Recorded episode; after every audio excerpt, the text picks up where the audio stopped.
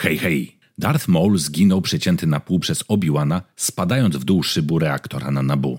Tak było w epizodzie pierwszym. Dopiero w Clone Wars ten bohater wrócił do nas i nie oszukujmy się, sporo namieszał, zarówno w Clone Wars, jak i w Rebels. A co jeśli powiem wam, że George Lucas, tak, sam George Lucas, żałował swojej decyzji zabicia Maula i planował dla niego znacznie szybszy powrót.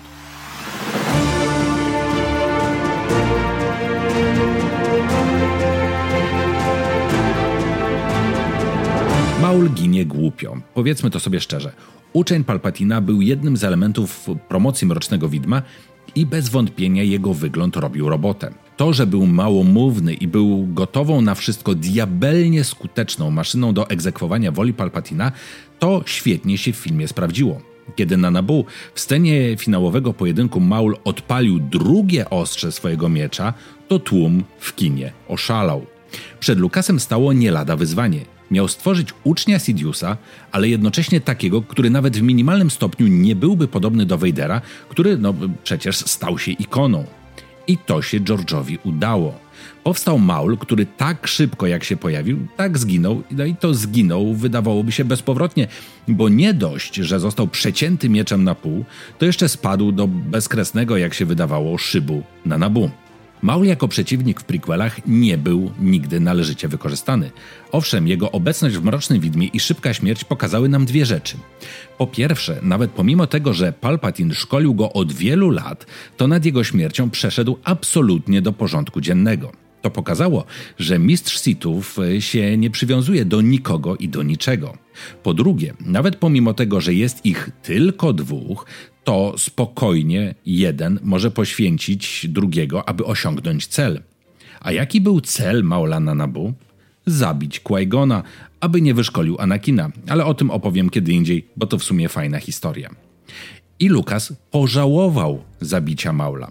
Dopiero po czasie zdał sobie sprawę, że wyrzucenie do kosza tak świetnej postaci to zwyczajne marnotrawstwo, bo w końcu stworzyć dobrego, wiecie, złego, którego widzowie zapamiętają, to naprawdę sztuka.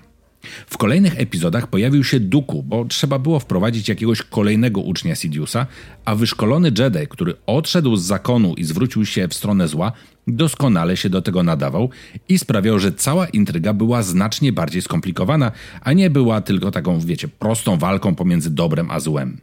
Kiedy jednak Duku został wyeliminowany w epizodzie trzecim, to George Lucas planował powrót Maula. Jak dowiadujemy się z wypowiedzi jednego ze scenarzystów Clone Wars, Henry'ego Gilroya, George Lucas planował, że Maul powróci jako, uwaga, uwaga, generał Grievous. Tak, pod zbroją generała miał ukrywać się Maul, a jego mechaniczne nogi, no i ręce w sumie też, miały zastępować kończyny stracone przez Maula. Tylko, że był pewien szkopuł. Grievous miał spotkać się w walce i zginąć z rąk Kenobiego. To, że te dwie postacie spotykają się w filmie i to w zasadzie w pobliżu jego połowy, to właśnie pozostałość tego, że to mieli się spotkać Maul z Kenobim.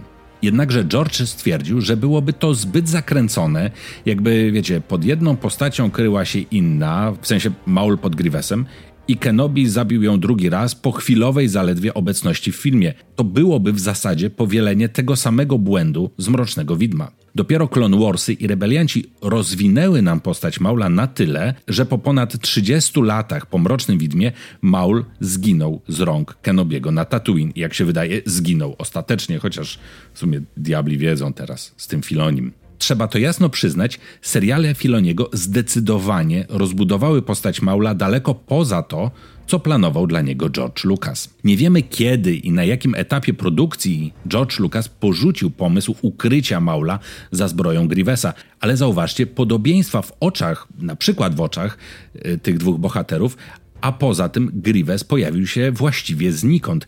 Nie miał żadnego backstory. Tak, ja wiem, że to takie trochę na siłę doszukiwanie się powiązań i wiele postaci wprowadzonych w filmach Star Wars swoje backstory znajdowało dopiero w książkach czy komiksach, ale no może coś było na rzeczy.